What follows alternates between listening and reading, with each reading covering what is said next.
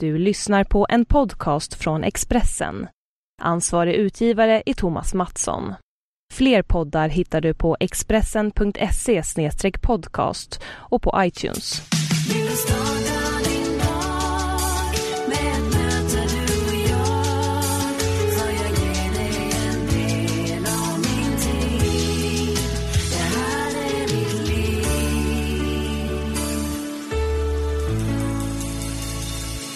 Ja, och då ska du vara välkommen till Livshjulet avsnitt 99 med mig, Anna Hegerstrand.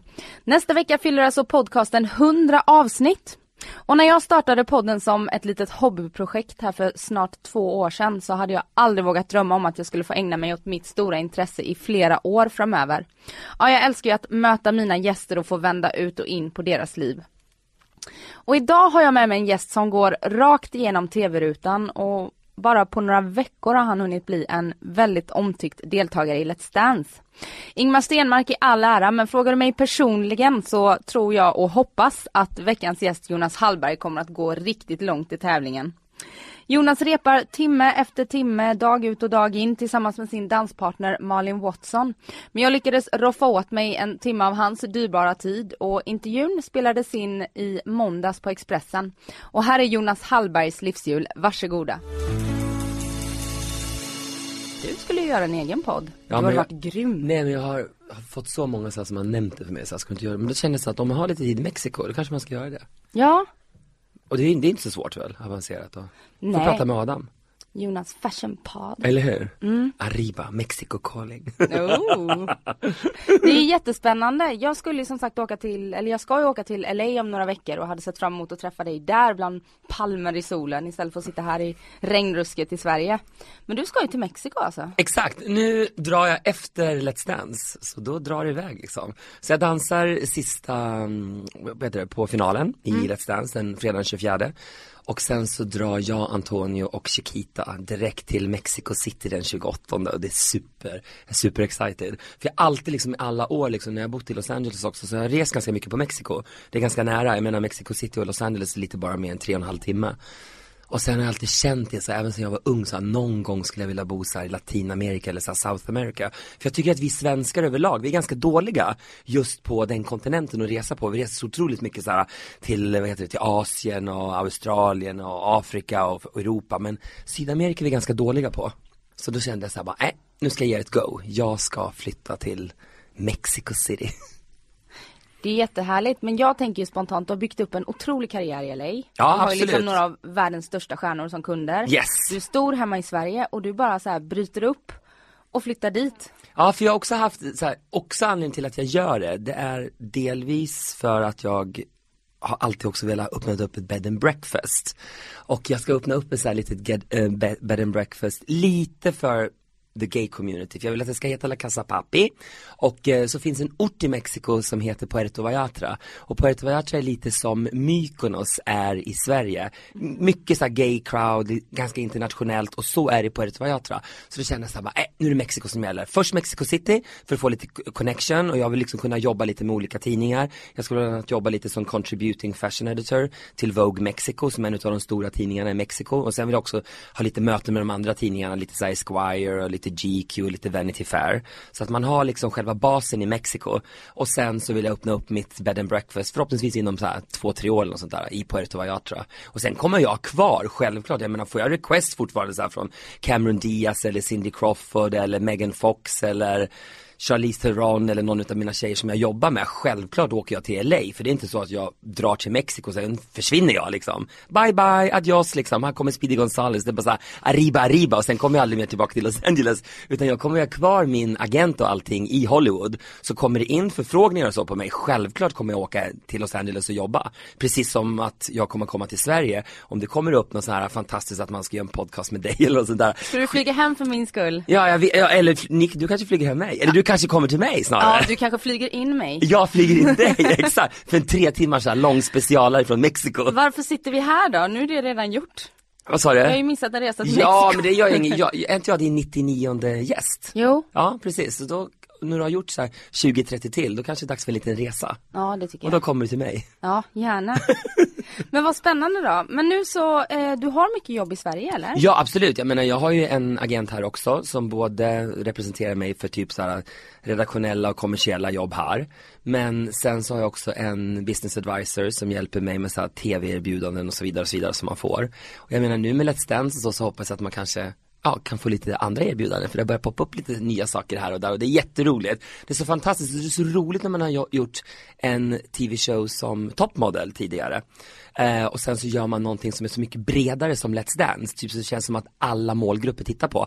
Allt ifrån jättesmå barn till tonåringar till äldre till businessfolk. Liksom, det känns verkligen som hela Sverige kollar på det här programmet och det är så fantastisk respons man får när man går på gatan. Det är nästan overkligt. Bara som häromdagen när Antonio var inne på på um, en mataffär och skulle handla och jag står utanför med Chiquita. Och, och så kommer en dam i, jag skulle säga att hon kanske är 75-80 års åldern, väldigt chic. Kommer med en liten käpp och är lite så akutryggig. kutryggig. Så tittar hon på mig så här, innan hon kommer fram och det enda hon säger när hon passerar, då tittar hon ler lite grann och så säger hon bara fabulous. Och jag bara oh my god, jag ville nästan gråta. Jag bara det är hur fantastiskt är det? En dam i 80-årsåldern liksom säger fabulous. Jag tycker Ja. det var så underbart. Så det är så härligt och sen också är jag jätteglad också som i, nu här igår faktiskt så var jag på Katy Perry som var här i Stockholm som avslutade hennes Europaspelning.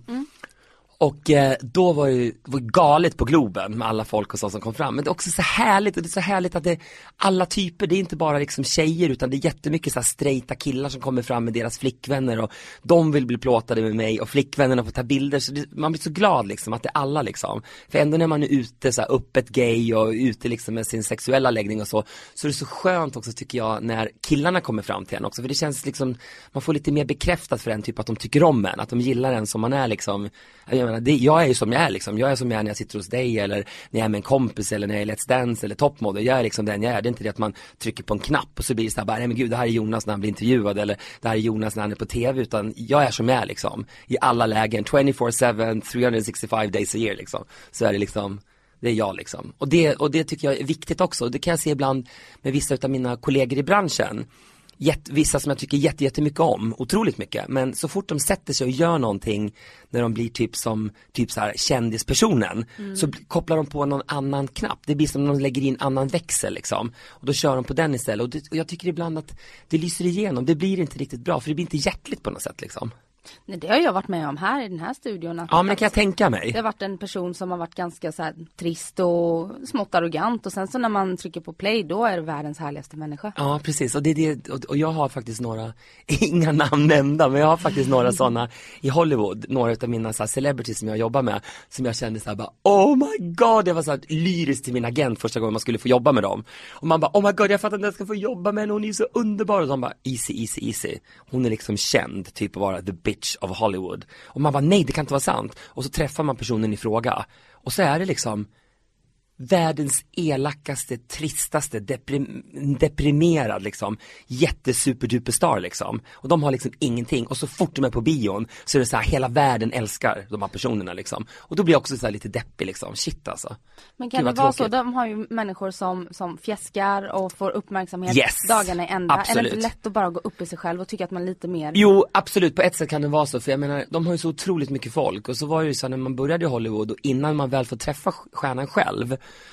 så, så har jag liksom, först så ringer min agent mig, eller jag har möte med min agent och så berättar de till exempel att Charlize Theron har gjort en request för dig, då får jag träffa Charlize eh, publicist, sen kanske jag får träffa hennes manager, sen kanske hennes personal assistant. Och sen är det dags för en fitting och prova kläderna. Så jag menar det är otroligt många steg innan du väl får träffa liksom stjärnan själv. Och sen många gånger när du väl får träffa stjärnan själv, då är det så upphåsat liksom, så man är nästan så här, ibland är man lite stressad, man bara oh my god, oh my god, jag ska hem till Catherine Zeta-Jones och Michael Douglas. Och man bara uh, lite så här. Och sen när man väl träffar dem, då är de supernice liksom. Det typ så här, vill ha en macka och en kopp kaffe liksom om man är hemma hos folk. Nej men det är så härligt. Men jag tror också det är en sån här grej med Hollywood tror jag också att de försöker liksom, det är så mycket led och de liksom håsar upp stjärnorna i 190 för det är ju några utav världens största stjärnor trots allt liksom. Men det är, det är också tråkigt tycker jag när det blir så, det blir negativt liksom, när de inte är de här coola människorna som man hade hoppats att de skulle vara. Då blir jag, jag blir faktiskt, ibland blir jag lite besviken och blir så här, bara, ah, trist liksom, men trist för dem också.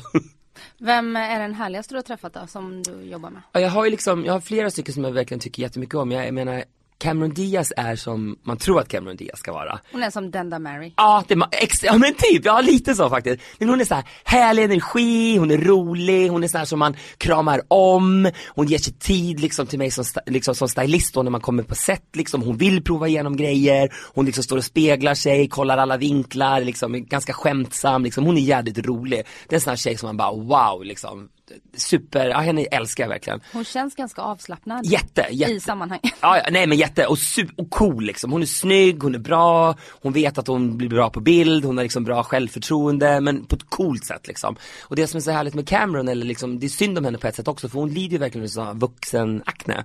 Så ibland när man jobbar med henne kan hon ha jättefin hy och sen jobbar man med henne en månad senare, då ser det för jäkligt ut. Så hon har ju liksom jättejobbigt med den grejen. Säg att det är en stor gala på gång, hon ska på Golden Globe eller SAG eller Oscars eller vad som helst, och sen är inte hyn bra liksom. Så hon har ju liksom säkert haft jättejobbigt genom åren med det med tanke på att hon är så himla stor celebrity. Men Cameron är i alla fall underbar. Sen måste jag också säga att eh, Scarlett Johansson, det är också en tjej som är väldigt härlig och det som stylist att få jobba med, med Scarlett första gången jag jobbade med henne, för jag jobbade med henne ganska många gånger, det är att hon är så otroligt, mycket mer än många andra i Hollywood, för de orkar inte engagera sig så mycket i liksom vad stylisten tar in för grejer. Men Scarlett, hon vet allt. Hon kan liksom gå igenom såhär, ah, vad tycker du är snyggt från Paris och vad tycker du om Balmain eller vad tycker du om Givenchy och gillar du verkligen den där klänningen? Tycker du inte slitsen var lite hög på den där Versace klänningen eller vad tycker du om det och det och det? Och det är också väldigt kul och tacksam som stylist när man får en celebrity som verkligen är engagerad. Och hon kanske nämner någon designer för mig som jag knappt hört talas om liksom. Och då kollar jag upp kollektionen hos den personen i fråga. Och, alltså det är väldigt roligt så när man kan ge och ta med sin celebrity vad det gäller kläder. Mm. Så det är också, så hon är superhärlig. Och sen älskar jag liksom, jag menar Isabella, nu är hon en av mina bästa kompisar. Men det är också en sån här härlig tjej liksom när man får jobba med henne. Vi gör lite så saker ibland hem till Sverige och sådana saker. När hon ska göra lite pressbilder och så här. Hon är verkligen också en sån här, wow vilken tjej alltså. Fantastisk. Tacksamt att jobba med de här typen av eh, tjejerna för de blir ju så otroligt snygga. Ja exakt, alltså... ja absolut och sen också så här som, som många tror också, så, sen har vi så mycket snack genom åren och det brukar vara väldigt stora debatter här hemma i Sverige, du vet att alla ska vara så smala och alla ser ut som, som du vet sagt klädhängare och folk, du vet size zero och allt det här.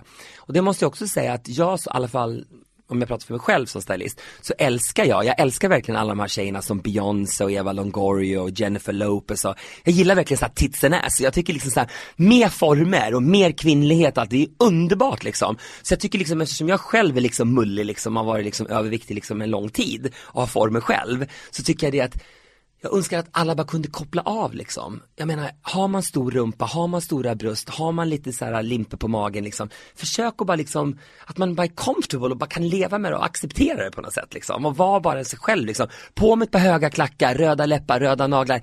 Anyway, det spelar liksom ingen roll om du är överviktig. Försök att bara liksom ta lite plats i rummet liksom. Mm. Jag menar alla vi som är mulliga liksom. Jag menar, fabulous, vi är mulliga kanske för en reason. Vi älskar livet liksom. Vi älskar mat, vi älskar goda cocktails, vi älskar att resa och vi älskar room service, alla de här sakerna. Liksom.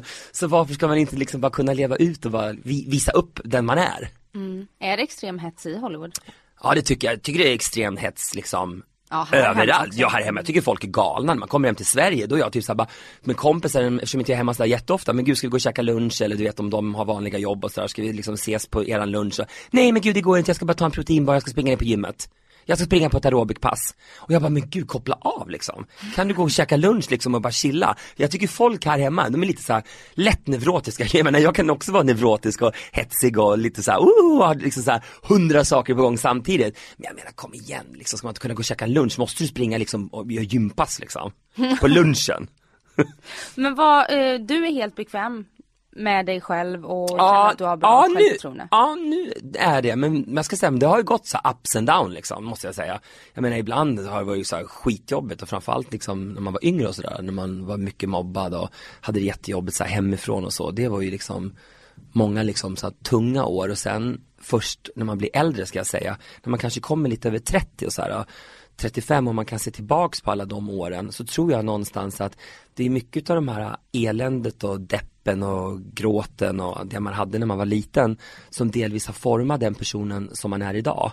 Mm. Men det är kanske svårt också liksom när man väl är i den situationen, jag tror jag sagt det någon gång tidigare också till de som är mobbade idag, att det är svårt då kanske att inse att det blir bättre, för det blir bättre. Det är liksom, det är svårt att säga att man ska bita ihop men det är inte frågan om bita upp heller utan försök att prata om det liksom. För det försökte jag göra när jag hade det jobbet liksom. Kan du inte prata liksom med mamma och pappa, du kanske har en mormor och morfar eller en bästa kompis eller en kurator på skolan. Men jag tror att det är viktigt att man verkligen pratar med någon om det så att man inte till slut intalar sig själv att det är mig det är fel på. Så att det blir liksom att nej men det är jag som är knäpp eller det är jag som är koko eller det är jag som är äcklig eller folk avskyr mig och bla bla bla. Så att man lägger skulden på sig själv. Så jag tror att det är väldigt viktigt att man verkligen pratar ut om det. För det är otroligt deppiga år liksom, när man, som man går igenom liksom, när man blir mobbad. Jag, Ja, du, du har ju berättat om det, om mobbingen och, och att du tog hand om din mamma som hade psykiska ja, precis, problem. Exakt. Och sådär. Hur tror du att, vad för spår har det satt i dig? Som du... Jag tror att jag har gjort mycket så eftersom mamma hade otroliga problem med nerven och åt jättemycket mediciner. Både liksom när jag var liten och när min bror föddes och så. Och sen så separerade min mamma och pappa, de var aldrig gifta. Men eh, mamma tog mig och min pappa tog Jens. Och så växte vi upp i Köping men i olika delar av stan. Verkligen så en annan del av Köping. Mm. Helt liksom crazy liksom. Så Eh, och sen så hade inte vi direkt så jättebra kontakt, jag och min bror eller jag och min pappa överhuvudtaget under hela vår uppväxt först fram tills att min mamma dog för typ 7-8 år sedan. Och när hon dog då så då återtog jag och min bror kontakten ordentligt. Och idag är vi jättenära och det känns fantastiskt, det känns nästan som att man har fått tillbaka sin lillebror efter alla dessa år liksom. Och nu är det verkligen, det är verkligen han och jag liksom. Blod är ju tjockare än vatten på något sätt säger de. Och det är liksom, det är liksom min riktiga bror också, samma mamma, pappa, allting. Och ändå liksom vad hemskt det kan bli när föräldrar separerar två liksom brorsor eller två barn liksom. Så jag är jätteglad och jättetacksam att eh, vi har hittat tillbaka till varandra. Fick du någon relation med din pappa innan han gick bort? Nej tyvärr inte utan jag var faktiskt på Hawaii när pappa gick bort för något år sedan och då ringde Jens till mig och berättade att, typ att jag vill bara berätta det att pappa gick bort och han fick eh, levercancer och de sa att han skulle få någon månad. Fast han var typ död bara på någon vecka så det gick jättefort. Och det är hemskt liksom. Självklart skickade jag blommor och allting till min pappas begravning. Självklart så. Men eftersom inte jag var nära honom så, så kändes det inte som att det var det första jag gjorde liksom, kasta mig på ett flygplan hem liksom för att åka hem på begravningen. Jag menar, hade jag haft en bra kontakt med min pappa, självklart liksom åker man hem på sin förälders begravning. Men när man inte liksom haft någon typ av kommunikation typ de sista 15 åren, inte ens ett hej eller någonting så kändes det som att pappa fanns liksom aldrig riktigt där för mig. Så det kändes inte som att, nej, det var inte min prioritering då faktiskt. Hade ni ingen relation för att du inte ville det? För att du var nej, arg på det, honom? Nej, det var, inte, det var inte att vi var arga på varandra utan det var, blev bara så typ att Jens var med pappa, jag var med mamma och sen så, det var så vi växte upp och så blev det bara liksom sämre och sämre och sämre. Så var det någon sporadisk kontakt här och där liksom genom åren. Men det var liksom typ det enda som vi hade. Och idag så bor din bror kvar i Köping? Ja precis, så min eh, lillebror bor kvar i Köping med hans fru och eh, två barn. Mina fantastiska, det känns nästan som mina barn delvis liksom, de är så underbara Emil och Tindra. Så de är jättemysiga. Så jag var faktiskt nere här nu bara här i helgen i en natt och bodde där för vi filmade lite här nu för veckans program som kommer på fredag så är det så här minnesprogram eller ett minnesår. Mm. Alla deltagare har fått valt ett år. Och eh, då har jag valt eh, ett år då min mormor dog. Kan jag skvallra redan nu?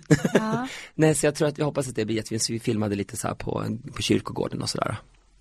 Då stannade jag kvar där över natten och vi käkade så lite, Köping är så här, det är ganska så här, när man kommer hem till Köping, det är så här pizzastaden, alltså det är helt sjukt alltså. Köping har typ så här 22 pizzerier och min bror då obviously älskar, älskar pizzor. Mm. Så då käkade vi kebabpizza, för hela Köping består av 22 pizzerier, typ 17 kebaber och självklart då har pizzerierna börjat gjort kebabpizza. Och det var supergott, så gott, så gott. Och sen så gjorde Therese på kvällen plankstek, så det var verkligen så här matheaven liksom. Ja. Det var verkligen så här, överös och käka massor med god mat så, så härligt. Vad är tankarna och känslorna när du kommer tillbaka till Köping? Ja det är faktiskt, det är faktiskt delat verkligen. Det är så här, jag menar jag älskar ju stan på ett sätt liksom. Det är liksom min lilla stad liksom. Den här lilla, lilla hålan som delvis är en mysig håla måste jag säga. Men sen är det också så mycket så här skitminnen verkligen ifrån att alla som skrek liksom kallade den för bögen och tjockis och Charlotta och liksom alla de jävla åren. För du var öppet homosexuell när du gick i skolan också. Ja fast jag kom ju liksom inte, jag visste ju visste ju liksom inte, kanske från 12-13 år liksom att jag var liksom gay så.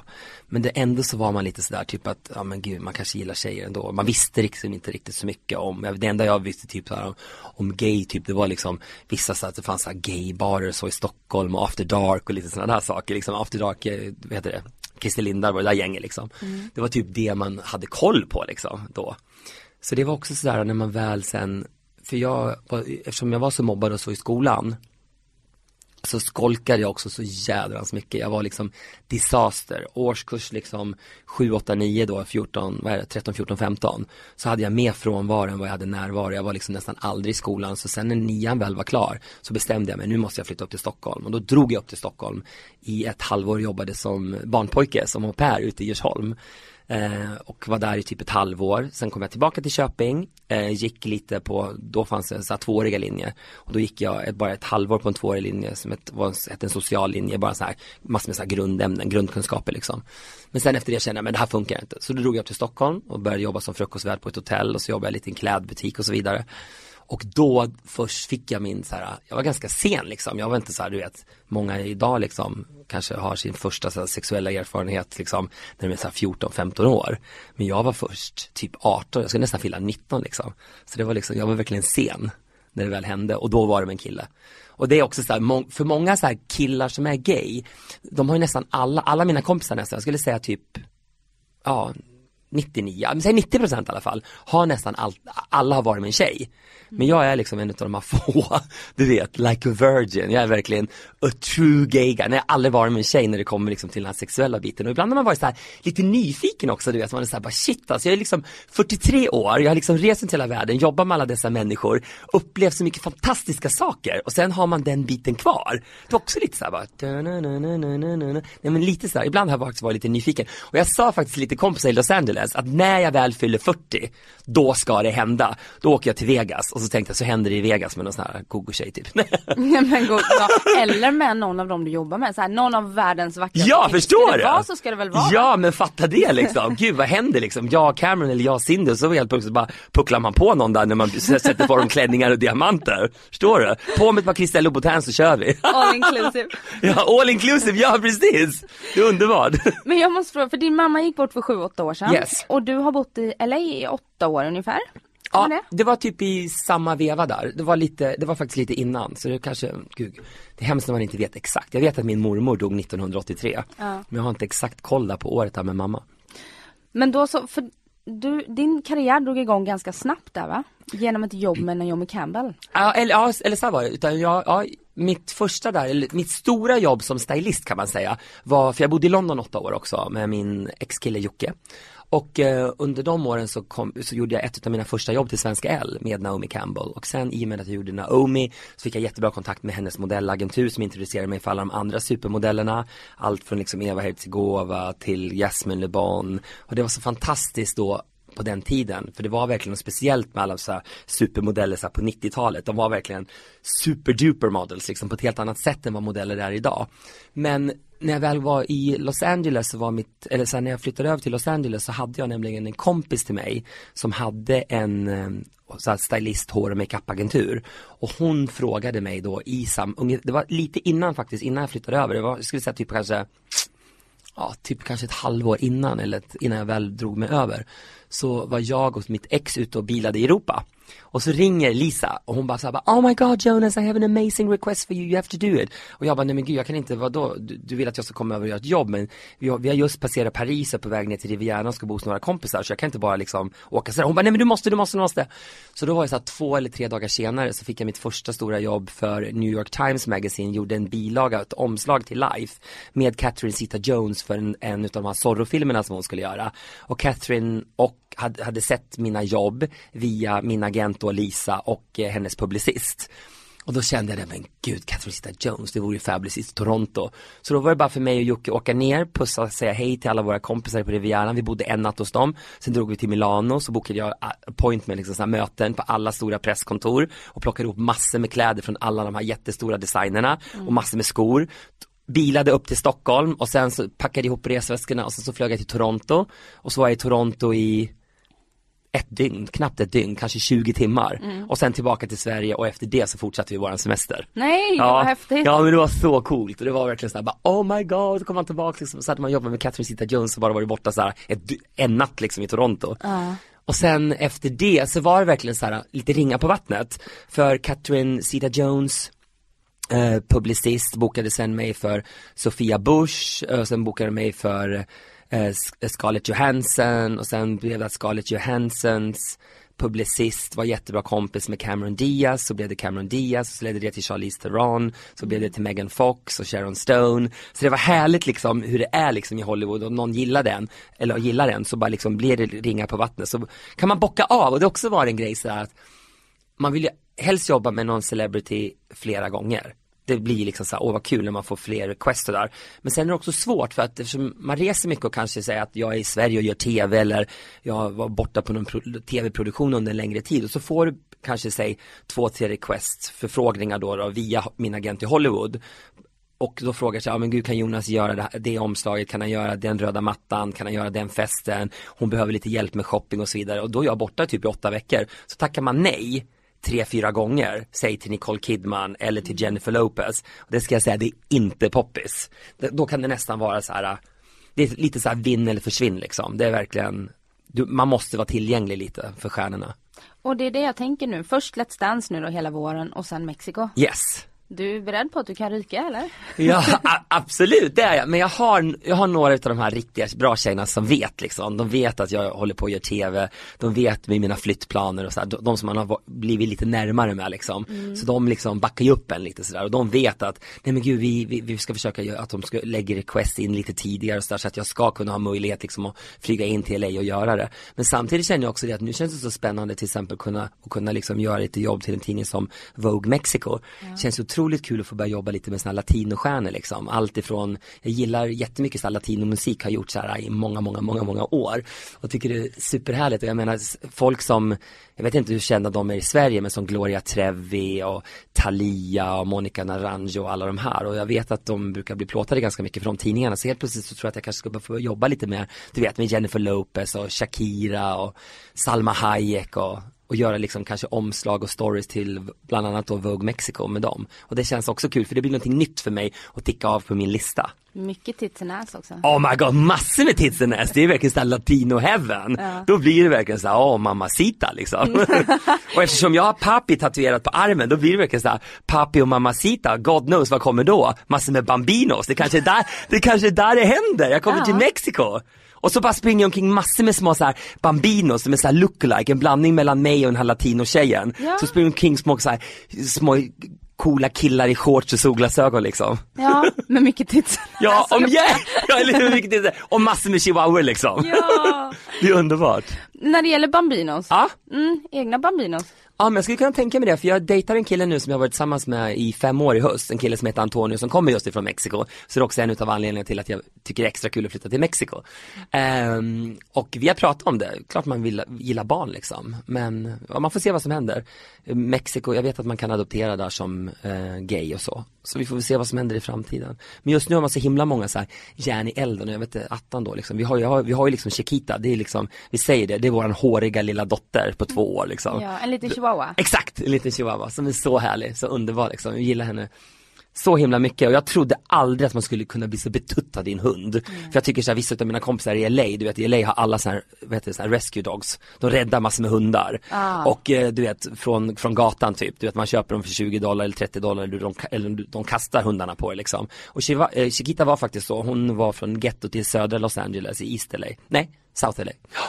Eh, och hon var i en bur med typ fem andra chihuahuor och massor med så avföring, kiss och bajs och grejer. Och då så köpte vi henne för, de ville ha 25 dollar men jag hade ingen växel så de fick 50 dollar. Så de fick så 400 kronor för vår lilla chihuahua. Och så tog jag henne till veterinären och kollade. Och de sa att hon var en jättefrisk och jättestark liten tjej. Och då tänkte jag det funkar för jag kände att om hon hade varit sjuk. Och för de, de var väl såhär crackheads, såna drogar, så uh. droggäng som hade de här hundarna. Och, då, och de var mer såhär, ja men om du ska ta henne till en veterinär, men då ska du ha tillbaka pengarna? Jag bara nej nej nej, easy easy, behåll era 50 dollar men om inte hunden är jättestark och liksom en bra, frisk liten tjej mm. så måste jag tyvärr komma och lämna tillbaka henne för jag kände bara du vet när man reser och ska ha med henne och så jag kände jag pallar liksom inte psykiskt heller att få en liten sjuk hund liksom. Nej gud vad hemskt. Ja jättehemskt men hon var som sagt jättebra så det är underbart. Så nu blir det verkligen så här, det är verkligen så här lilla familjen liksom. Nu har jag hela lilla familjen här i Stockholm liksom. Vi, vi har en lägenhet som är hyrd upp i Vasastan och sen så ska vi liksom the little la, la familia liksom hoppa på planet och dra liksom till den stora staden Mexiko. Så det är som att komma från en skithåla verkligen så här Los Angeles med vadå typ 12 miljoner till Mexico City 31 miljoner. Mm. Det är liksom 31 miljoner människor och 69 miljoner chihuahua. Nej inte så många, nej men det är så jävla mycket så här chihuahua verkligen. Ja. Det är galet så när man reser runt i Mexiko och man är i de här småstäderna så ute vid kusten. Det är så mycket chihuahua, det är nästan som ekorrar liksom. De är typ så all over, eller råttorna typ i, vad heter det, i Kungsan. Ja, Ja, är, det, är de hemlösa också då? tyvärr, många är det, många här jätterufft liksom. Så det, det är också så här tragiskt, jag menar Mex Mexiko är ett fantastiskt land och nu när jag bott i, jag menar USA, jag menar Los Angeles och Mexico City, det är liksom same same and different liksom. Det är typ samma temperaturer, det ligger supernära, du flyger ner som sagt på lite över tre timmar. Men otroligt spännande då liksom från det här med Hollywood Super-Duperstars, in till liksom nu till the Mexican market liksom, till Latinamerika, till South America. Och, det, på, och på råga på allt det här så pratar jag inte flytande spanska heller, bara några ord liksom. Det är typ såhär bara, hola, como está, una, una sangria por favor, una grande paella, dos cervezas una tequila. Det var mycket, mycket, Det där mycket förstår till och med jag. Ja, du ser, vi kanske ska ha en sån spanska kurs. Ja, verkligen. Men din kille är ju flytande. Ja, ja, ja, ja, absolut. Ja, absolut. Och han är övertygad om att man på typ så här sex månader eller sånt där kommer att lära sig. Och man måste det. För Mexiko är inte som många andra typer reser- reser på Brasilien eller Argentina och så utan när man är i Mexiko, många utav de här, framförallt i Mexico City, du kan gå in på, de har hur mycket så här coola barer, flashiga restauranger, jättebra shopping, de har ju liksom allting som LA har, men tio gånger mer. Och det innebär ju också att de har de här ruffa områdena och det här liksom gettoområdena, det är också tio gånger mer än Los Angeles. Ja, vissa områden är superfarliga. Superfarligt, jag menar, det är ju liksom en utav, som, jag tror att det är värre klassat som land än som Mexico City som, som stad. Jag tror landet Mexiko är farligare för just Mexico City. Och eh, hjärtat av Mexico City heter DF, Distrito Federal. Och Distrito Federal är också en egen stat i, i Mexiko. Och det är där vi kommer att bo, i själva liksom hjärtat. Och det är där presidenten bor och alla. Och de säger att Distrito Federal, det är en av de säkraste staterna att bo i, i hela Mexiko liksom. Så jag hoppas att det ska vara lugnt liksom. Hur kommer ni bo då?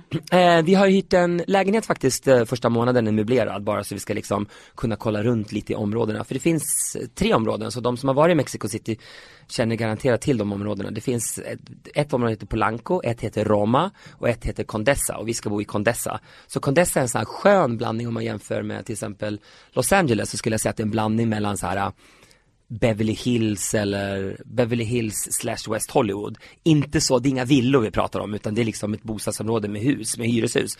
Men det är coola hyreshus, det är ganska mycket, lite Spanien, lite så kolonial, lite så Parisbyggnader med så stuckatur i taken och fina byggnader och supertropiskt. Det är liksom palmer och träd och buskar och så det är liksom när man öppnar upp liksom dörren och kommer ut på gatan så är det nästan som att komma direkt ut i Amazonas. Vad det, ja det är superhärligt och jag är verkligen så palmkille, jag älskar palmer.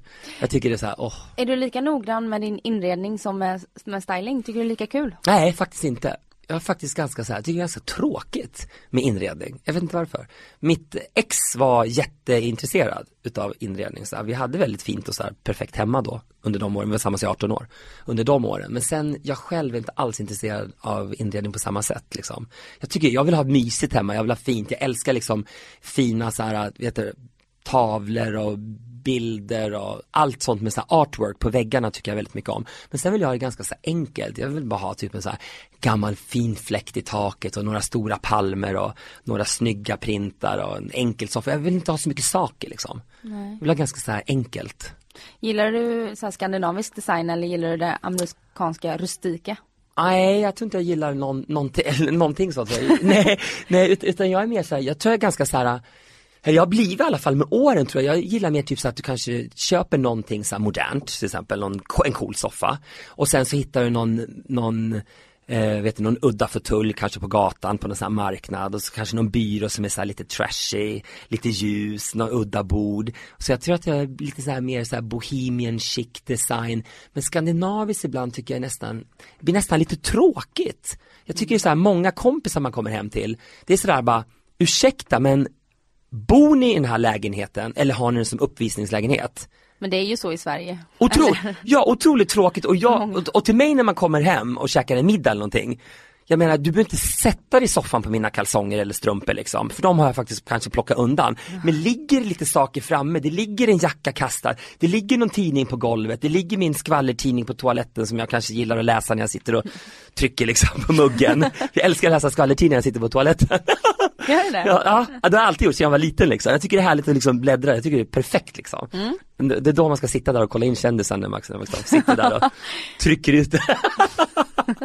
Nej men sen att just folk är så himla perfekta, det är också så här bara, men varför? Varför liksom? Jag menar kom hem på middag till mig men jag behöver inte ha det senaste salt och pepparkaret från NK eller Svensk Tenn eller någonting som jag sa, åh som de har beställt ifrån Frankrike eller någonting och det är så tjusigt. Utan kom hem till mig, ja det fanns ingen salt och peppar, nej men jag kan alltid öppna skåpet, jag kanske hittar något så här gammalt så här, salt och peppar från McDonalds, du vet som man kan öppna en sån här liten påse och strö över. Jag menar det är inte hela världen, allting ska vara så pretentiöst, allting ska vara så perfekt, allting ska vara så fint. Och det tycker jag är så jävla tråkigt liksom. Vi lever bara en gång liksom, enjoy the life för gud, gudarnas skull liksom.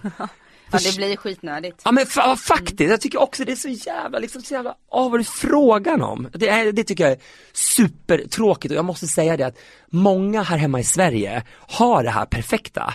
Du vet, de har perfekta lägenheter eller perfekta jobbet, perfekta familjen, de åker på fantastiska semestrar, de flyger sin business class, de bor på femstjärniga hotell och det är också så jävla skitnödigt, så jävla tråkigt. Gör någonting annorlunda liksom, ta familjen och åk på luff eller ta en hike ner i Afrika eller gör, gör någonting liksom. Bättre, roligare, mer inspiration liksom. Ja. Eh, nej men det, jag håller med och jag är en av de här som, som kämpar för att få det här perfekta. Som, som jag försöker, alltså jag är medveten om det men du vet man ska det är så lätt att halka in i den här eh, tror- spiralen. Ja, och jag tror också- när man bor här och omger sig med sådana människor. Absolut, jag menar eftersom ens kompisar är så, så jag menar så nu har jag bott, först bodde jag utomlands i London i åtta år, nu har jag bott i LA nästan åtta år, så jag menar jag har varit borta från Sverige typ i 16 år utav mitt vuxna liv. Och jag känner att skulle man komma hem hit, jag tror att det är jävligt svårt att anpassa sig det också när man lever så himla annorlunda och just att man inte känner det här för allt det här perfekta. Sen kan jag tycka att det är jättefint när man kommer hem till mina kompisar, jag tycker de har fantastiska liksom liv och fantastiska våningar och fantastiska hus och fantastiska små familjer men ibland känns det bara, fy fan vad jävla tråkigt också. Du vet, och de planerar, svenskar ni är galna planerar deras jävla resor. Jag menar, de planerar liksom, mina kompisar har ju typ planerat redan nu liksom jul och nyår, det här året 2015, det är ju klart, de tänker ju typ på skidsemester 2016. Ja vad fan, du kan ju bli överkörd av bussen liksom, det kan ju bli översvämning när du går på Hemköp, du kan ju drunkna för fan i fiskdisken liksom. Jag, jag menar, vad som helst kan ju fan hända, så jag känner så här: nej jag vill bara liksom mer impuls, jag, jag är inte sån heller som vill du vet, man, jag sitter här hos dig nu och sen så känner jag bara, nej men nu vill jag åka till Kanarieöarna imorgon eller whatever och hajka en vecka. Självklart kanske några dagar, en vecka. Men lite mer liksom, inte sån galen framförhållning. Sen förstår jag med de som har barn att man kanske måste planera. Men måste man planera vilken, vart du ska boka lunch liksom den 27 mars 2016 när du ska till liksom till Alperna. Måste du liksom försöka googla fram och kolla vad de har för menyer liksom ett och ett halvt år innan. Eh, Det tycker jag, jag tycker det är crazy. Och det har ju framgått ganska mycket i Let's Dance. Att du inte gillar det här stela och du vill bara säga, kan man inte bara få vara lite wild and crazy? Ja, men det är inte jag- Skit i steg. Ja, nej men jag känner också sådär liksom, jag menar, Let's Dance, ja det är en danstävling men det är också liksom, det är fredagsmys och jag menar, jag är ju med i Let's Dance för att jag älskar jag tycker det är jättekul att dansa, självklart så. Och ja, man lär sig nu, jag lär mig ta koreografi, jag lär mig komma ihåg. Jag har liksom gått från en, liksom, en neontetra eller en liten guppyfisk till guldfisk. Nu känner jag mig nästan på delfinnivå liksom. Men jag menar jag kommer ju ihåg mina steg, det är helt bananas. Det är så härligt, men det som jag gör, det som är viktigt för folk som ser mig dansa. Jag menar yes, jag vill ge bra energi, jag tycker det är roligt, men jag dansar ju för alla er där hemma. Jag dansar ju för folk som sitter hemma och kollar på programmet. Jag dansar ju liksom inte för Dermot, Ann och Tony. Delvis gör jag det, men dansar ju för folket, jag dansar ju inte för juryn liksom. Nej, det är inte så viktigt för dig hur det går i tävlingen. Jag menar det är klart att jag, jag vill hänga kvar och det är därför det känns såhär bara tack alla ni som röstar på mig och Malin liksom, att vi får gå vidare. Jo, jag vill stanna kvar, jag vill ha många veckor kvar, jag vill gå till final, jag skulle vilja vinna liksom som alla andra vill liksom. Men jag menar, jag kanske inte är världens bästa dansare, perfekt ballroom, kommer ihåg varenda steg, ba ba ba ba ba ba. Nej, det är jag inte. Men jag kanske har någonting annat som kanske vissa som är med i det här året inte har. Och då hoppas jag att folk som tittar på programmet värdesätter det liksom och känner det, nej shit alltså han ska få en röst liksom. Eller som jag brukar säga, jag brukar spela in ett nytt meddelande varje vecka för de som ringer och röstar på mig. Och då brukar jag alltid säga det så här, tack snälla för att ni röstar på mig till exempel i en jive eller whatever. Och vet ni, man kan faktiskt rösta två gånger. Och det kan man ju, man kan ju faktiskt rösta fem eller tio eller mer. Ja. Nej men som sagt, så jag tycker det är väldigt kul. Jag har gått ner i vikt också, känns väldigt bra liksom. Jag har gått ner, jag bara tickar mot 10 kilo och det känns Oj. fantastiskt. Jag vägde 112,8 när jag började, nu väger jag typ så här 102 eller, näst, eller 103, strax över 103 tror jag. Och det känner jag att den här veckan eller nästa vecka kanske jag passerar så jag kommer ner till 99. Men då sa jag till Malin också, det är också så här kritiskt för mig när jag passerar under 100 för jag har de senaste åren legat mellan 110 och 122 vilket är alldeles way too much för mig. Jag är 1,83, jag borde väga kanske runt jag vet inte, jag skulle aldrig kanske kunna väga 80-85 för jag tror jag skulle vara för smal som liksom rent bara som jag är byggd. Men jag skulle kanske må bra av att kanske väga 90 90-92 eller sånt där. Men jag sa det till Malin att så fort jag kommer under 100 då är det någonting så konstigt som händer i min skalle. För helt plötsligt går jag från att vara, känna mig som den här lite knubbisen, lite tjockisen till att bara Oh my god, jag är så skinny. Jag kollar mig då, nej ja! Men typ såhär 99,8 kollar jag mig typ i spegeln och bara såhär bara Damn boyfriend you look hot. Och då känner jag mig nästan som en supermodell. Jag känner mig som någon av de här modelltjejerna som jag jobbar med. Typ såhär Adriana Lima eller Alessandra Ambrosio eller Giselle Bündchen. Så står jag där och tittar och bara, men shit vem är det? Du vet man går förbi såhär naken när man går från duschen i en spegeln. Och så bara kollar man, shit vem var det där? Var det Adriana Lima som gick förbi i spegeln? men det, Det händer sitter bara ju bara i huvudet. Ja, det, ju si- ja men det är sjukt också, just det där, folk bara, men gud väger 99, du borde inte väga mer än 80. Nej, men när jag väger 99, då känns det som om jag är liksom ready for the runway. Jag bara vill på mig ett par Christian Louboutin och bara dra ut liksom. Ja. Och då spelar det ingen roll om du hade vägt 99 och känt dig så eller 129 och känt dig Nej, så. För att det är utstrålningen och hela grejen. Exakt, det, så är det verkligen. Och jag skulle bara önska typ att alla, så för jag har så mycket kompisar som är lite så här curvy och lite större. Och de kan vara såhär, men nej men jag kan inte ha det på mig, eller nej jag kan inte ha så höga klackar, och nej jag är så tjock och oh, jag är så då, då, då. Och det är så skönt om man kommer över den tröskeln, för det kände är också otroligt bra terapi för mig att vara med i ett sånt stort och sånt mycket på människor, miljontals människor som ser en dansa i Let's Dance. Och det har gjort för mig rent psykiskt tror jag, det här att komma över sig själv hur man ser ut. Så bra! Alltså du ser dig själv och bara i de här kläderna, de här dansarkläderna och man känner sig liksom som Gloria, flodhästen från Madagaskar gånger tio. Hon är ju fabulous. Ja hon är verkligen fabulous och det som är så bra när jag sagt det, för jag sa det i en intervju, jag känner mig som Gloria. Men vet ni vad Gloria, Gloria i slutändan, vet vad hon var? Hon var jädrigt bra på att dansa. Tänk dig när hon visar den där giraffen på linan hur man ska dansa. Hon, har, hon är stor, men jädrar vad hon vet hur hon ska sätta fötterna. Nu, inte, nu, jag har lite att lära där, för Gloria är väldigt bra på hennes fotteknik liksom. Men kroppshyddan har vi liksom, jag har inte liksom hennes fotsteg ännu. Nej.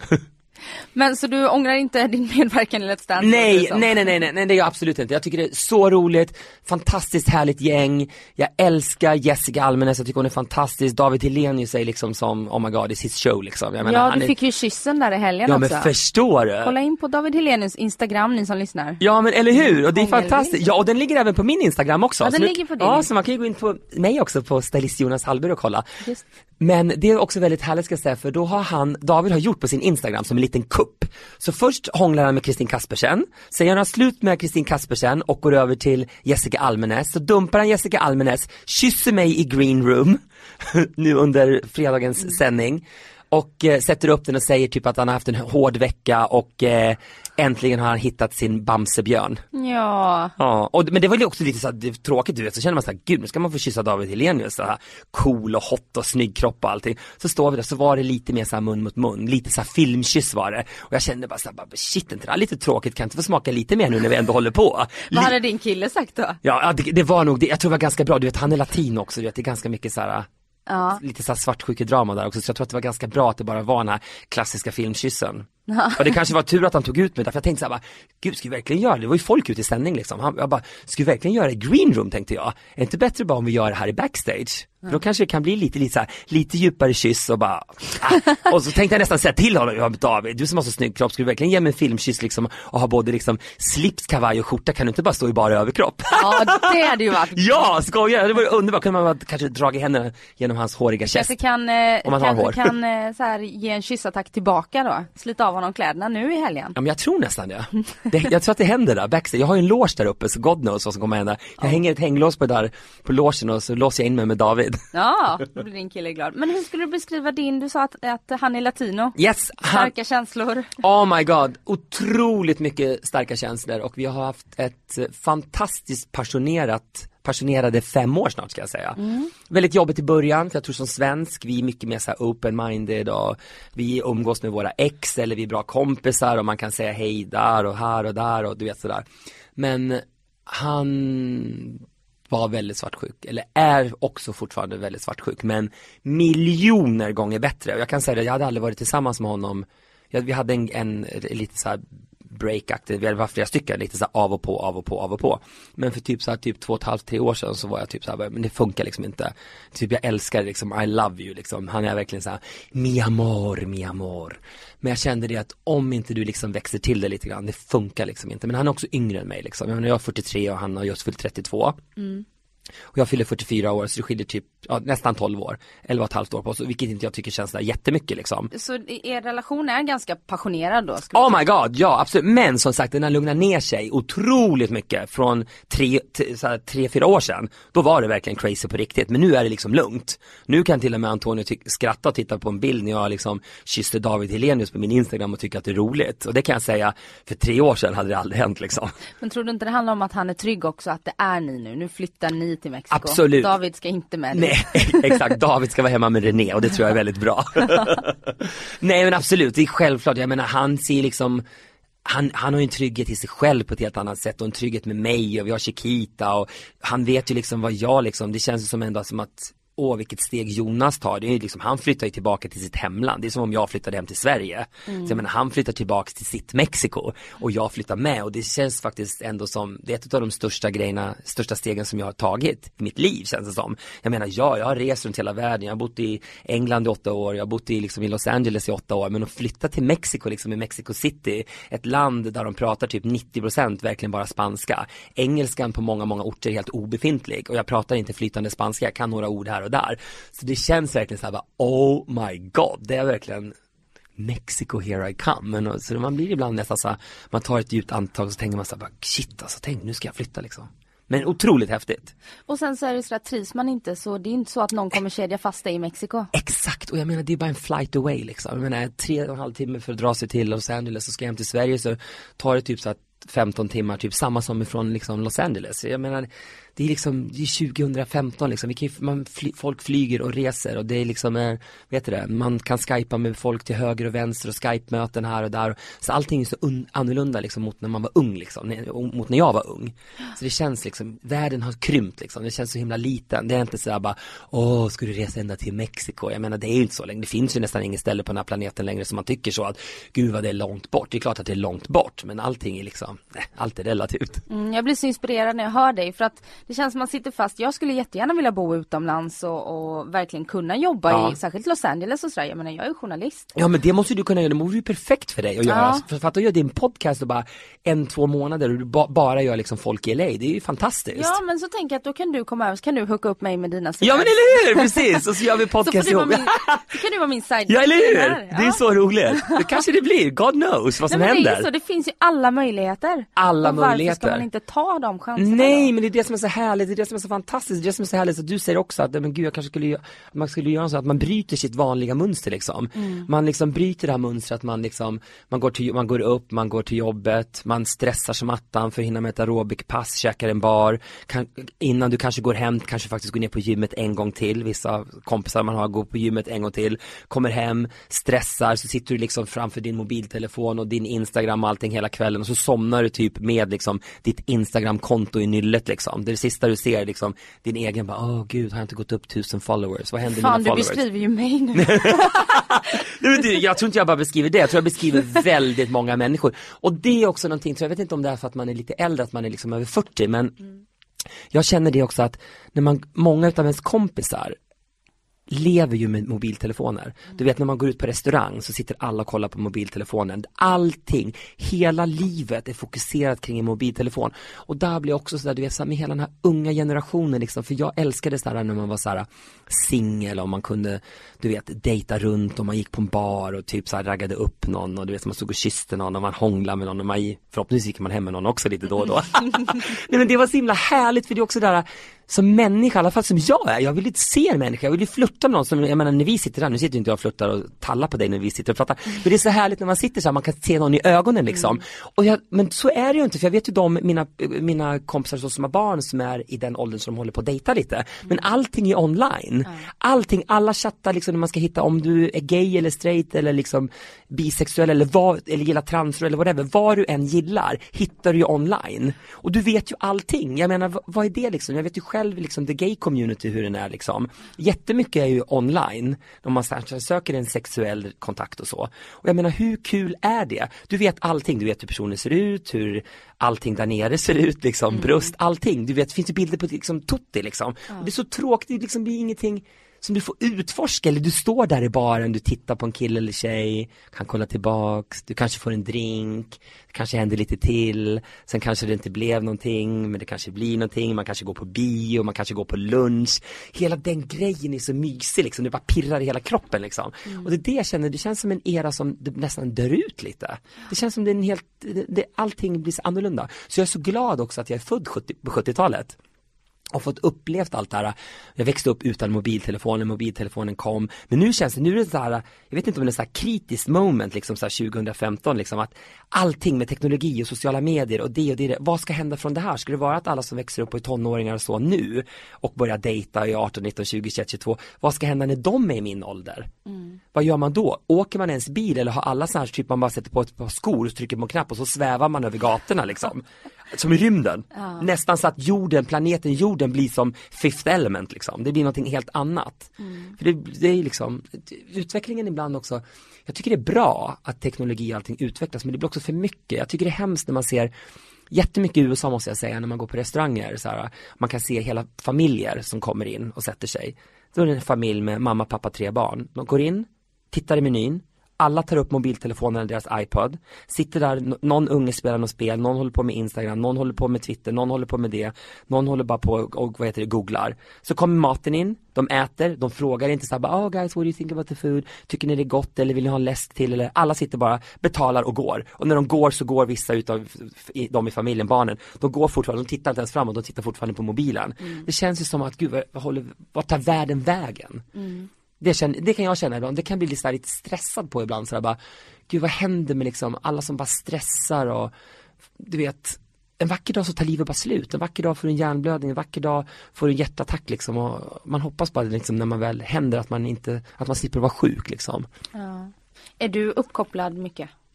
Ja, jag är uppkopplad, ja men jag är, jag är ganska bra ska jag säga jag, jag gör det absolut, jag går in liksom flera gånger om dagen på Instagram och sådär. Jag försöker ibland göra mer än ett inlägg, oftast blir det bara ett, jag gillar att lägga in det på morgonen för folk kanske som går till skolan eller folk åker till jobbet eller vad det är, mm. så att det ligger in under dagen. Och så ibland lägger jag in ett till liksom, som två. Mm. Men max liksom. Men annars försöker jag verkligen liksom att ha min, försöka få lite egen tid också.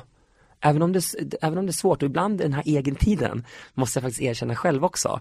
Ibland blir det, jag älskar att bada, så här, bada badkar och liksom hoppa ner i en swimmingpool eller när man bor till Los Angeles i Ottawa att man kan hoppa ner i poolen och simma eller mm. bara liksom ligga på kanten och relaxa och bläddra i en tidning och jag är mycket mer måste jag säga en tidningskille än att jag vill bläddra, hålla på på min iPad eller datorn. Jag älskar att köpa en Vogue eller Elle eller någon av de här stora modetidningarna eller skvallertidningar som sagt när jag sitter på muggen men jag gillar även att läsa skvallertidningar när jag mm. flyger och kanske ligger i poolen filmen eller sådär, jag tycker det är härligt. Mm. Men eh, så jag, jag, gillar det här med, mer med print och det är också någonting som stylist ska jag säga, att man oroas lite för, alla de här med tidningarna, vad ska hända liksom om tre år? Allting läggs ner, allting blir en version för iPad, men det är inte samma sak. Som stylist också, man gillar det här visuella, man gillar det här att kunna bläddra i en tidning och så bläddrar man tillbaks eller man drar ut en sida och lägger mot en annan tidning eller en annan sida. Liksom. Exakt, och det är mm. det liksom vad är det liksom en känsla liksom sitta med en jädrans iPad och bläddra liksom. Men det är ju så smidigt, det är ju det, det är ju därför. Jag vet, det, tyvärr är det det liksom. Det är ju det liksom. Men ändå känner man såhär bara, åh, sorgligt liksom. Men jag håller med när jag skriver. Det känns ju mycket mer på riktigt att skriva en text för en tidning som trycks, en, ett fysiskt ex, än för nätet. Exakt, precis. Man ja, känner ja. sig lite mindre som journalist när man skriver Ja men, det, för nätet. ja men samtidigt får du inte göra det för nästan alla Det är ju det som läses. Det är det jag menar, precis. Media kanske när folk springer och köper en tidning. Ja. Medan jag älskar att köpa tidningar. Du vet, Ja. jag är en sån här som verkligen springer och köper du vet så här. När jag är hemma, jag köper liksom alla dagstidningar liksom, typ varje dag. Älskar det? Ja, ja, absolut. Mer än, men också när, det är när jag är hemma, men när jag är utomlands, självklart. Jag går in på liksom Expressen och Aftonbladet varje dag liksom. Jag är så här trogen, verkligen. Sju dagar i veckan, 365 dagar om året, går jag alltid in en gång under dagen. Och sen läser jag inte igenom allt, men jag går in och kollar typ löpet och kanske går in typ på nöjen Se om det är något skvaller, vem vet jag kanske sitter på muggen när jag väl sitter och kollar.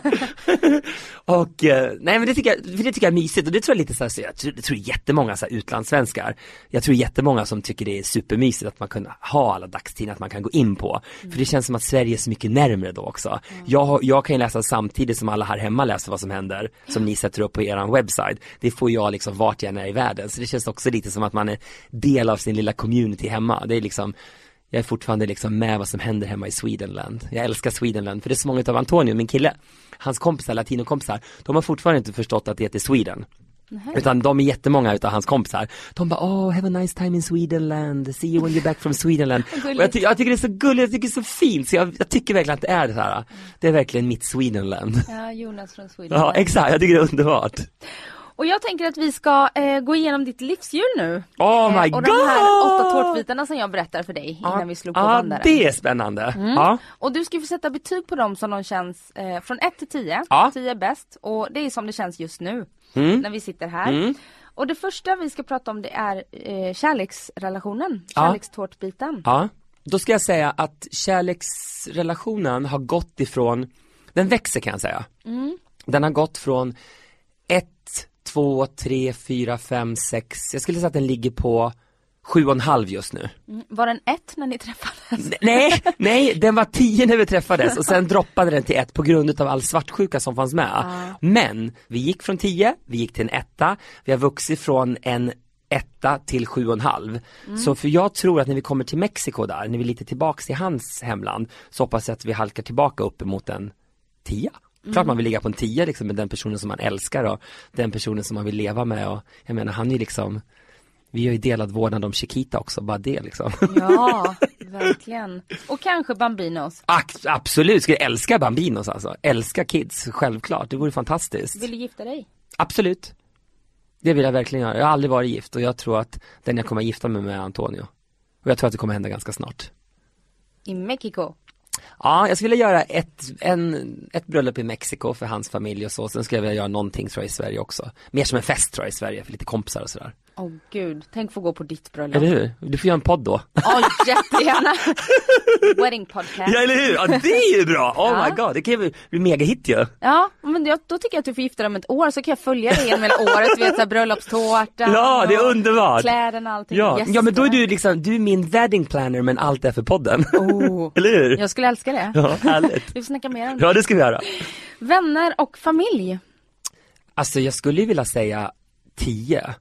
Men jag tror inte att jag kan säga mycket mer än det, det, Den är ganska svår för jag skulle säga så här att jag, är, jag tror att jag är en jättebra kompis och liksom jättebra vän och vill med familj, liksom hålla kontakt med familjen och så. Men sen när man har rest så himla mycket genom åren och man är så busy och man har levt i Los Angeles på nio timmar liksom på tidsskillnad och allting. Så måste jag säga, det har nog halkat ner från en tia till en 8. Och, jag, och, och det är någonting som jag kan grämma mig lite för liksom, för ens nära och kära och jag älskar ett hashtag som jag använder jättemycket faktiskt nu på så här sociala medier och framförallt Instagram. Take care of your loved ones. Jag tycker det är så fint, så här, hashtag take care of your loved ones. För det är någonting som jag, som jag månar så himla mycket om. Men sen är det just det här med tiden och vart man är och man reser och flyger ibland konstant känns det som och man är alltid på ett flygplan eller liksom någonstans på väg. Så kan det bli svårt att man liksom förlorar lite, det känns som att man kan förlora vänner på vägen liksom. Det är bara, folk liksom droppar av. Ja, hur blir det nu i Mexiko? Känner, har du ett eget vänskap? Nej det har jag faktiskt inte. Där. Så det är, också, det är också en otrolig utmaning för mig liksom. Det känns liksom en, det, jag delvis tycker att det, delvis så ser jag lite med Mexiko ska jag säga också att nästan lite som ett lugn. För det känns som att jag har mitt liv i Sverige, busy, busy, busy. Jag har mitt liv i Hollywood, busy, busy, busy. Jag har mitt liv i Mexiko just när jag kommer in. lugnt. Jag har liksom några jobb här och där till Vogue, några andra jobb till de andra stora tidningarna liksom så här, blandat in liksom. Och sen får man se vad som händer. Så det känns också så skönt och det är hela grejen liksom just med Mexiko, att det är som ett nystart, det är som en ny bok, det är ett nytt kapitel i en ny bok. Och det är typ mitt sista äventyr har jag sagt, man ska inte säga ett sista äventyr för jag tror att jag kommer ha massor, massor med äventyr. Men jag tänker då på att jag flyttade från Sverige till London med ingenting, var i London i åtta år. Flyttade till Los Angeles nästan på grönkvist också utan att känna bara ett par stycken men ändå liksom, man visste ingenting om stan eller någonting och var där i åtta år. Och nu vill jag göra det här med Mexiko, jag vill kunna öppna upp mitt, eh, mitt, bed and, mitt gay bed and breakfast inom kanske något år och ha det som min bas i framtiden. Och sen vill jag fortfarande självklart resa runt och jobba och liksom se världen och umgås med nära och kära och så. Men jag tror som just det här att man bryter upp helt liksom från scratch och flytta någonstans så känns det som att, för det är sån jädrans grej. Och det är såna enkla saker som att du flyttar till England, åh oh, gud vad jobbigt det var, det var inte bara att gå in och köpa en mobiltelefon hur som haver och du kan inte öppna upp bankkonton och mm. du har ingen så här credit history i landet och så nu blir det ju än en gång liksom från England till USA, USA till Mexiko så det känns lite som att man börjar om från början. Men det är också någonting som jag tror att jag som människa som jag gillar och brinner för, jag vill ha det här nystarten. Så får man liksom bara bygga, bygga, bygga. Och så vet man inte vad som händer och så väntar runt hönan och allting. Så det var väldigt långt inlägg där om familj och vänner men tyvärr kan inte jag säga en tio, jag skulle säga typ en åtta. Ja. Och vi kommer faktiskt till boendesituation nu och hur den känns just nu, den tårtbiten. Ja, boendesituationen skulle jag också säga jag menar, boendesituationen är nice liksom. Men nu vet ju inte jag vad jag kommer få för lägenhet eller hus eller vad det nu blir i Mexiko eller någonting. Så det känns ju väldigt och du har gjort av med ditt boende i LA? Yes, exakt. Ja. Så nu, innan jag och Antonio åkte hit här nu så hade vi faktiskt, jag menar Malin var över, vi tränade för Let's Dance i två veckor. Mm. Sen drog hon, så hade jag två veckor helt cleant och bara liksom fixa lägenheten. Så jag sålde bilen, sålde alla stora möbler som soffor och bokhyllor och sånt. Allt sånt gjorde vi oss av med och eh, behöll bara så tavlor och sådana saker som känns, det här vill jag verkligen ha med mig. Mm för, som sagt eftersom inte jag är så här uh, crazy person vad det gäller mina fön, liksom så möbler och sådär. Jag mm. måste inte ha min LA-soffa till Mexiko jag måste inte flytta runt halva jordklotet med mina möbler utan jag har några så prydnadssaker. Jag har en dalahäst som jag gillar. Jag har en svensk flagga i trä som jag gillar som jag har i köket. Den har jag packat ner till Mexiko. Jag har um, en liten sån här, jag tror att det är sån här dalapar, en sån här dalmora, heter det dalmora? Dalkulla. Dalkulla och en liten mm. dalmas i såna här små gubbar. Ja. Som jag har fått ifrån släktingar i, här hemma i Sverige. Och de ligger i mina Mexiko-kartonger. Så nu står hela mitt liv typ i ett uh, warehouse i Los Angeles och blir chippat till Mexiko så det kommer till Mexiko i slutet på maj. Aha. Så därav har jag hyrt en möblerad lägenhet första månaden. Så jag skulle säga att min boendesituation just nu med tanke på att jag har en tillfällig eh, möblerad lägenhet i Stockholm och jag kommer ha en tillfällig möblerad lägenhet i Mexiko första månaden så skulle jag säga att min boendesituation just nu är en sjua. Mm.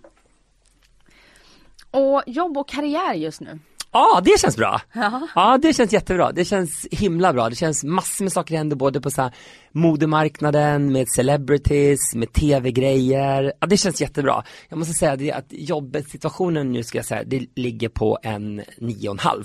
Nio och en halv. Ja. Och då måste jag fråga, för Let's Dance eh, det känns som att det har öppnat upp en del möjligheter för dig att göra mer tv i Sverige. Ja, jag hoppas det och jag, jag, jag tror att det kanske kan öppna upp lite portar och sådär. Jag måste säga det att jag tycker det har varit fantastiskt också att man går från en kanal till en annan kanal och jag har gjort lite andra saker för TV4 också.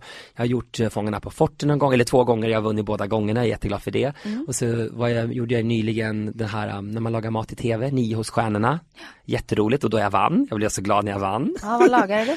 jag gjorde Papis Fabulous Spaghetti Bolognese, spaghetti och köttfärssås, det är typ det enda jag kan laga men den gör jag faktiskt väldigt bra måste jag säga. Ja. Så det blev väldigt lyckat. Och så gjorde jag också en sån här grej med Jessica Almenäs som var skitkul måste jag säga. När jag fick vara så här reporter, nästan lite fashionpolis när hon och jag var på röda mattan på Kristallengalan ah, och, och eh, fick intervjua de svenska kändisarna som kom och det var verkligen skitkul och man fick vara så spontan och bara hoppa på dem när de kom på mattan. Det var så roligt. Mm. Och det är också kul liksom, och det känns kul att gå från, jag menar TV3 är en väldigt bra kanal men lite mindre och det känns skillnad från att göra ett program som toppmodell till ett program som Let's Dance med tanke på att det känns så folkligt, så brett och det är otroligt kul. Så jag hoppas att det blir mer sådana. Och jag gillar att göra sådana program liksom. Jag gillar liksom att man får komma ut till folket på något sätt liksom, att man kanske kan göra någon människa glad och någon skrattar och någon bara gud vilken idiot eller gud vad han är rolig eller gud vad han är tjock eller han är fan helt crazy eller han är fabulous, jag älskar honom eller whatever, folk får hata också liksom, det kommer alltid finnas lovers and haters och så är det bara liksom, det får man bara liksom köpa.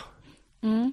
Det kommer i paketet. Ja, det är en spännande framtid nu. Jättespännande, det är så härligt och nu, du, nu sitter jag här och det här är min första podcast som jag gör så. Den, jag har gjort en faktiskt innan. Ja, du har ja, ja, en, en. Jag gjorde faktiskt eh, till några toppmodell, utav toppmodeltjejerna gjorde en podcast Mm. när, under tiden toppmodell gick.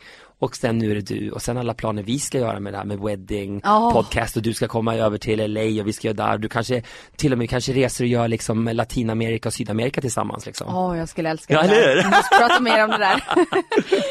och ekonomi då? Ekonomin är eh, också relativt bra måste jag säga.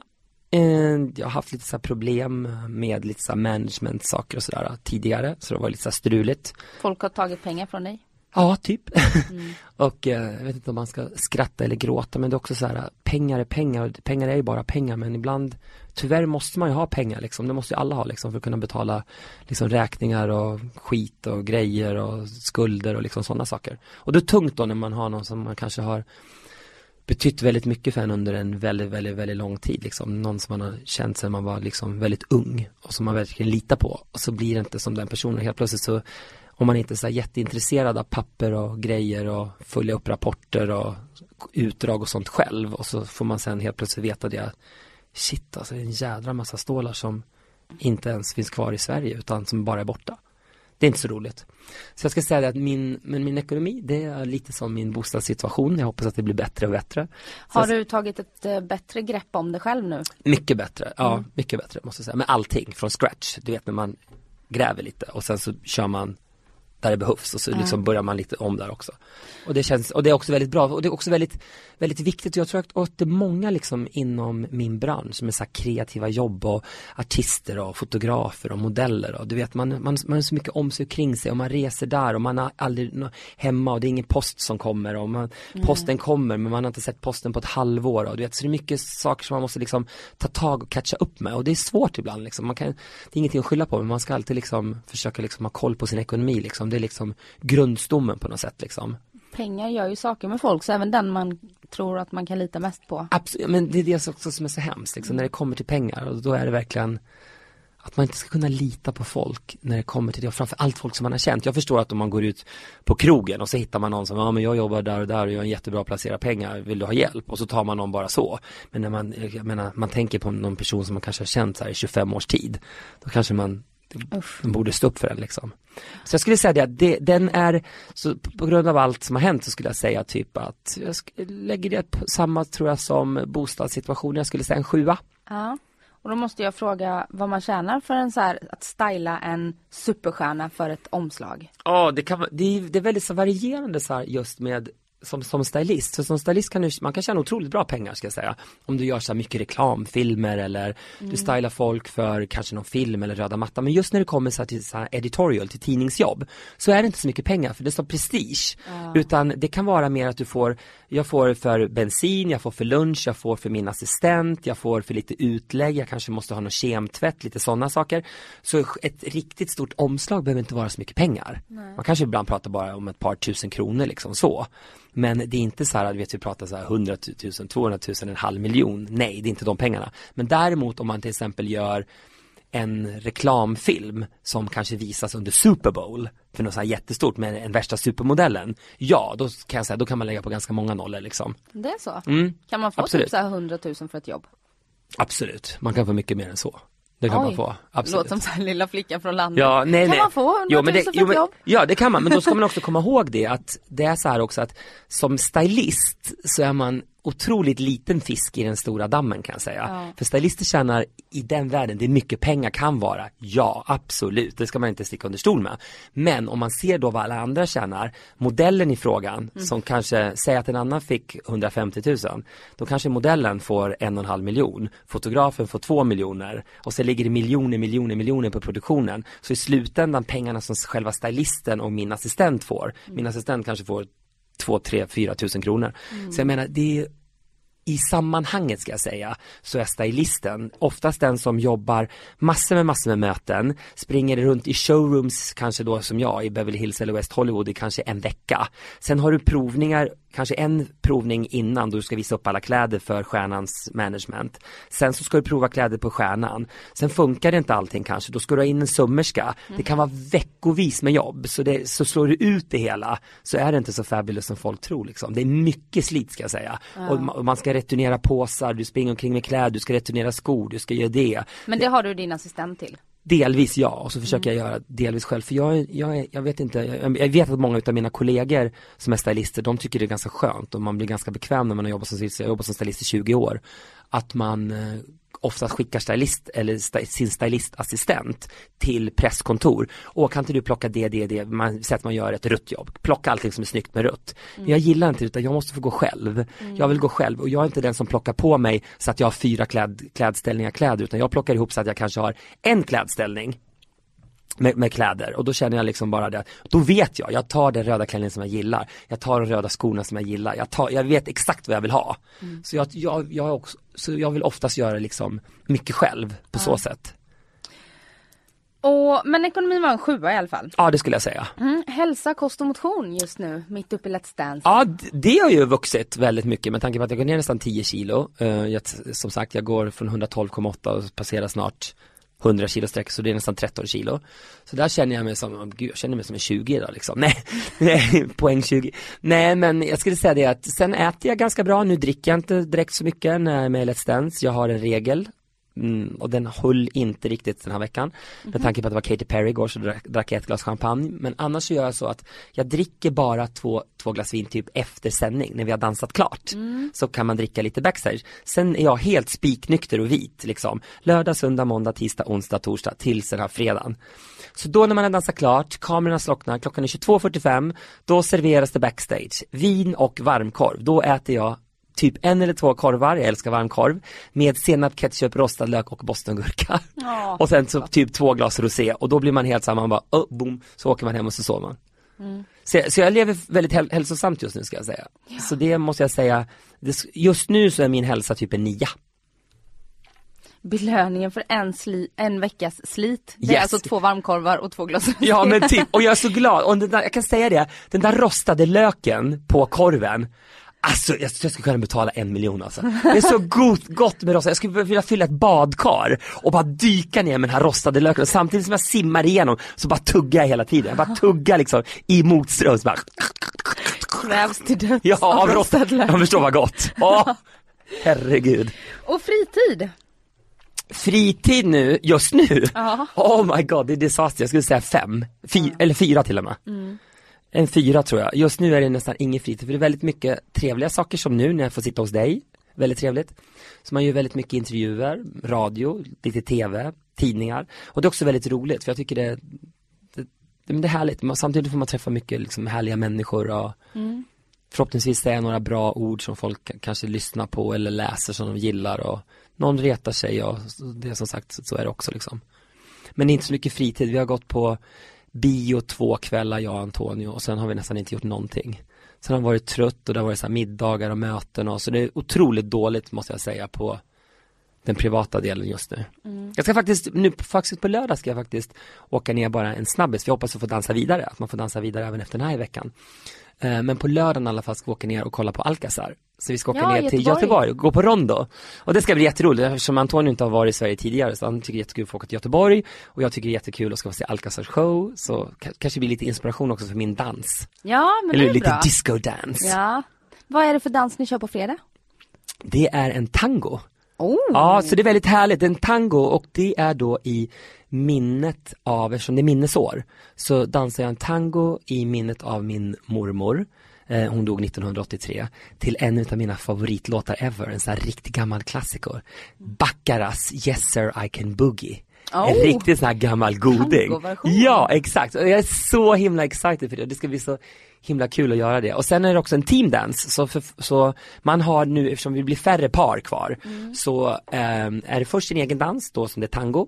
Och sen så är det en teamdance då man är en grupp, två grupper, tre par i varje grupp så dansar man mot varandra med olika teman. Mm. Och det är inte riktigt klart än, det ska jag få veta nu efter att vi är klara och jag kommer till dansstudion så ska jag få veta vad det är för dans. Spännande. Ja, jättekul, superroligt. Jag ska ringa och rösta massor så att du Ja, får vara bra! kvar. Ja. Ja. gud vad Vi kan härligt. uppmana alla lyssnarna här nu också till ring och rösta på Jonas. Ja, gud vad härligt och det är så härligt, så gillar ni mig där ute, ni som sitter och lyssnar på det här, så betyder det jättemycket för mig, för jag dansar som sagt för er som sitter och kollar på TV, inte liksom i juryn i första hand, utan gillar ni mig, hoppas att ni ringer eller skickar in ett sms att jag och Malin hänger kvar lite till, det vore så fantastiskt. Härligt! Och personlig utveckling är den sista tårtbiten. Och den får man ju tolka lite som man vill. Ja, och vet du, jag har gett ganska, har, hur ligger jag till där med mina poäng sådär? Ja, det är lite, ligger- ligger lågt, liksom- eller? Nej, Nej, jag tror mellan sju och nio. Det skulle jag inte säga är lågt. Nej, Fyra ganska- på fritid. Ja, fyra på fritid. Men vet du, personlig utveckling, där skulle jag nästan slå till och säga en tia faktiskt. För jag, då om man tänker ifrån att vara den där liksom mobbade lilla killen i Köping liksom som alla ville ge stryk typ när man gick till parken liksom och växte upp med mamma med hennes problem med psyket och alla tabletter och flyttade upp till Stockholm i unga år hittade min kille, vi bodde i London i åtta år, Los Angeles åtta år, jag verkligen liksom så här nystartade livet lite här och där, men jag har alltid liksom lyckats och liksom jobbat hårt liksom för att det ska bli bra liksom i alla de här bitarna. Så då skulle jag säga som personlig utveckling känns det verkligen som en tia liksom. Det är från att vara den här lilla liksom gråtande killen liksom till att flytta från Hollywood till Mexiko och liksom göra hela den här resan. Så jag måste säga det att där känns det faktiskt bra att man har kunnat liksom gjort det, för man kanske kunde ha blivit det, för det spökar ganska mycket så här i min familj och sådär med lite mostrar och kusiner och så vidare och så vidare som har, det spökar med nerverna liksom. Och det är skönt liksom verkligen så här, ta i trä. Verkligen härligt så här att man har fått liksom, jag har fått säkert ganska mycket från min pappas sida tror jag. De är ganska starka liksom, de är så finlandssvenska från Vasatrakten. Så jag har nog lite utav det här finnblodet, det här Suomilainen i mig. Ja, jag tror att det är väldigt bra liksom, att jag har lite det blodet i mig så att man kunde vara lite, lite starkare liksom. Så jag måste säga det att, där är jag faktiskt, ja men jag är faktiskt stolt över mig själv måste jag säga. Det man har liksom åstadkommit hittills liksom. Men det är mycket kvar. Jag känns som att jag inte ens halvvägs i livet liksom. Jag skulle bli så här gammal så här. Jag skulle vara så här, the most fabulous så hundraåring ever. Sitter där med ett par solglasögon och massor med Swarovski-kristaller och bara blingar. Ja. Har en egen talkshow liksom. När man Som är hundra. år. Ja, Ja, Vi blir ju äldre och äldre så det är inte omöjligt. nej men det är det jag menar. Men jag undrar, eh, i LA så har ju alla en psykolog. Ja, Har, har du också Nej, jag, haft din psykolog? ja, ja faktiskt. Jag gick, men jag gick aldrig så regelbundet, regelbundet, men jag gick lite sådär, du vet när det var så här, lite så här turbulent med mig och Antonio så gick jag lite grann och då pratade man ju alltid, man kom ju alltid in på det här med barndomen och det är det som är så viktigt för alla som lyssnar också om det är ungdomar och kids och sådär som lyssnar att har man problem som sagt det jag sa tidigare se till att prata med någon för förr eller senare i livet så kommer ni behöva prata om det. Ibland biter man sig i läppen och bara nej men det här ska jag ha för mig själv. Men när man väl beslutar att man ska gå till en kurator eller en psykolog som är otroligt bra. Det innebär inte att man behöver vara knäpp i huvudet eller någonting utan det innebär att det är så mycket saker som händer i ens liv och allt det här med sociala medier och dittan och dattan och kompisar och allting. Det är så skönt att kunna prata med en människa som inte vet någonting om en. Utan man bara öppnar upp sitt hjärta och bara får prata ut allting. Det är inte det att den personen kommer vägleda en i 190 utan man får ta väldigt mycket beslut och komma på saker själv. Men gör man det inte utan man bara undviker, undviker, undviker. För jag har präck praktexempel bland mina vänner som inte har gjort det och idag är många utav mina vänner, de är äldre än mig, många är liksom tickar mot 50 och är över 50 och de får börja gå nu. För förr eller senare får man göra det och vad kommer allting tillbaks till? Jo, barndomen. Vad var det i barndomen? Var det någonting med mamma? Var det någonting med pappa? Var man liksom inte favoriserad i hemmet? En syskon fick mer kärlek än en annan. Allt det där liksom kommer spegla sig tillbaka i livet alltså. Och där känner jag mig, för mig också att jag gav mig själv där en tia liksom på så här personlig utveckling. Just att man har försökt tagit tag i bitar och jag tar tag i bitar. Det enda man gör för det är för en själv. Man behöver inte berätta, berätta för jord, liksom, för jord och, liksom, eller halva jorden och alla ens vänner att man går till en psykolog eller kurator. Om man nu inte vill det eller har behov av att prata om det. Då gör man det bara för sig själv. Så istället för att du liksom går ut och partar eller köper ett par nya liksom, skor för 4000 kronor, lägg det på så här egenvård liksom. Och ta hand om ditt inre liksom. För allting liksom återspeglar en liksom också hur det är som människa och person och humörsvängningar till höger och vänster och det är liksom hur man mår i, mår i själen och jag tror att det är jätteviktigt så här att man, att, liksom, att man tar hand om själen. För det är ändå den dagen när man väl ska somna in. Och jag sa alltid det till, eller min mormor sa alltid det och det är någonting som jag har skrivit både till min mormor, till min mamma, till min pappa, till min farmor, till farfar. När alla dör och man skickar blommor till begravningen. På det här bandet brukar man alltid skriva någonting. Då brukar jag alltid skriva så här, vila i frid, vi ses där ovan molnen. Och jag tycker det här, vi ses där ovan molnen är så himla fint. Och tänker man då på själen, jo det är själen som ska åka upp där ovanför molnen. Då måste den också få må bra. Så därför måste man liksom vårda sin själ genom livet tror jag. Mm. Så blir det bättre på något sätt. Mm. Och jag är absolut ingen, nu blev det lite halleluja nästan, men jag är verkligen ingen halleluja. Jag vet inte, jag tror typ inte på någonting, jag tror inte på djävulen, jag tror inte på Gud, jag tror inte på någonting, men jag tror, eller vill tro, att det ska hända någonting. Jag älskar den här filmen med Patrick Swayze och Demi Moore. Ghost. Oh, oh. Jag känner så att om någon dör eller någon går bort eller du vet, eller den här, vad heter den, med Meg Ryan och Nicolas Cage. Eh, drömmarnas Angels någonting, City of the Angels, ja skitsamma. Men det är också där. Som Gogo Dolls har gjort eh, Exakt. ledsången till. Precis, ja men du vet när man blir det där att man kan nästan känna en person i ens närhet som har gått bort och man nästan, man känner dem kryper ner i sängen eller kramar om en eller det skulle jag känna, älska liksom om det var mer så liksom. För man vill ju liksom när det är slut på den här planeten och man har gjort allting, men gud vad ska hända då liksom? Man vill ju liksom komma någon annanstans liksom. Man vill ju kanske ha ett liv igen eller göra någonting med, för, fattar du, jag kanske kommer tillbaka som liksom, jag kanske kommer tillbaka som John Travolta eller liksom, jag kommer tillbaka som Patrick Swayze. so I'm gonna kick some motherfucking ass när jag kommer tillbaka i Let's Dance, förstår du? Då sitter liksom nya versionen av Tony Irving och Anne och Dermont där och de bara oh my god, 10 points, 10 points, 10 points. Fattar jag får 30 poäng i varje show liksom. Och då vill du ha ett star en stark själ. Ja, alltså det är så trevligt, det är så trevligt att göra podcast, det är så trevligt att prata med dig. Känns som jag skulle kunna sitta en vecka. Ja, jag skulle jättegärna sitta här mycket längre, men jag ser på tiden att du ska iväg till en annan intervju nu. Eller hur, nu är det radio show efter det här. Nu är det radio, så jag tänker att vi ska summera här. Ja. Du gav kärleken 7,5, yes. vänner och familj en 8, bostad en 7, jobb 9,5, ekonomi en 7, hälsa en 9, fritid en liten 4 och personlig utveckling en 10. Yes! Ja. Känns det bra så? Nej det känns så bra. Och det var så härligt att göra, det här är sån annorlunda tårta, för tårta så här, när man ska prata om så här, tårtbitar, då kände jag bara herregud vad händer nu, ska jag trycka i mig en hel prinsesstårta liksom så att jag går upp liksom fem kilo, men det här var också så här, det här var väldigt härligt ska jag säga, att sitta och prata med dig så här också, det var nästan lite, det var näst, det är nästan lite terapi. Ja det är, ja, det är lite, ja och det är väldigt bra. Det det. Så jag, jag vet en och annan person som du skulle behöva bjuda in till en sån här pratstund. Ja. Så att de skulle kunna öppna upp deras själ lite mer och rena sig, eller hur? Cameron. Ja, eller hur? Oh my god, Cindy, Naomi, Adriana. Nej men jättekul att du, eh, att du känner dig bekväm och att det känns bra. Nej men det känns jättebra och jag tror att också att många så här som blir liksom kända utåt, jag tror folk har så jädra mycket så här om sig och kring sig, du vet. Man kan inte säga det, man kan inte prata om det. Tänk på vad du säger. Jag har haft vänner till mig som har sagt att, men gud, du kanske ska tänka på vad du säger.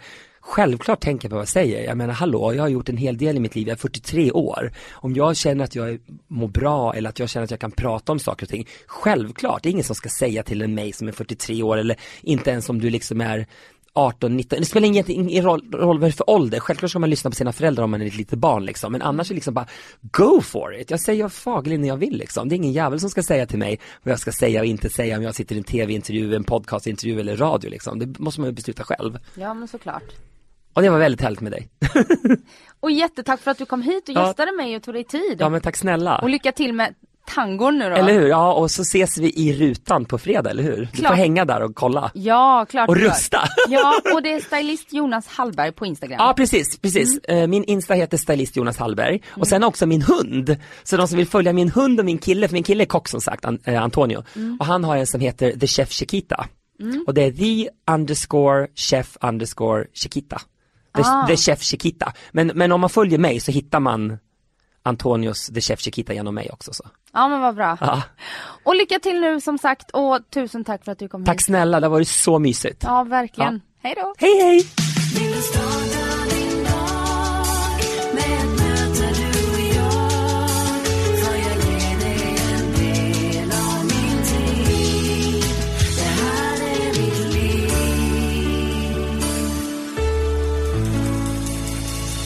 Du har lyssnat på en podcast från Expressen. Ansvarig utgivare är Thomas Mattsson. Fler poddar hittar du på expressen.se podcast och på iTunes.